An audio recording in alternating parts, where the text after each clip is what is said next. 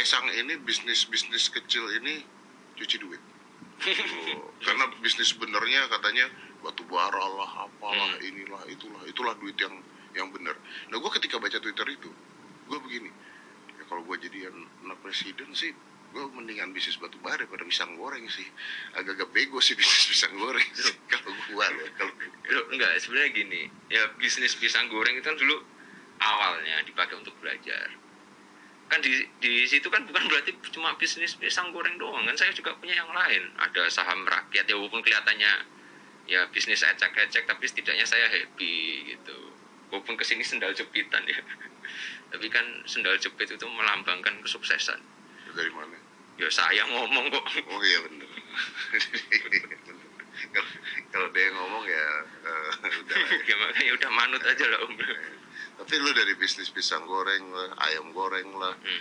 sama si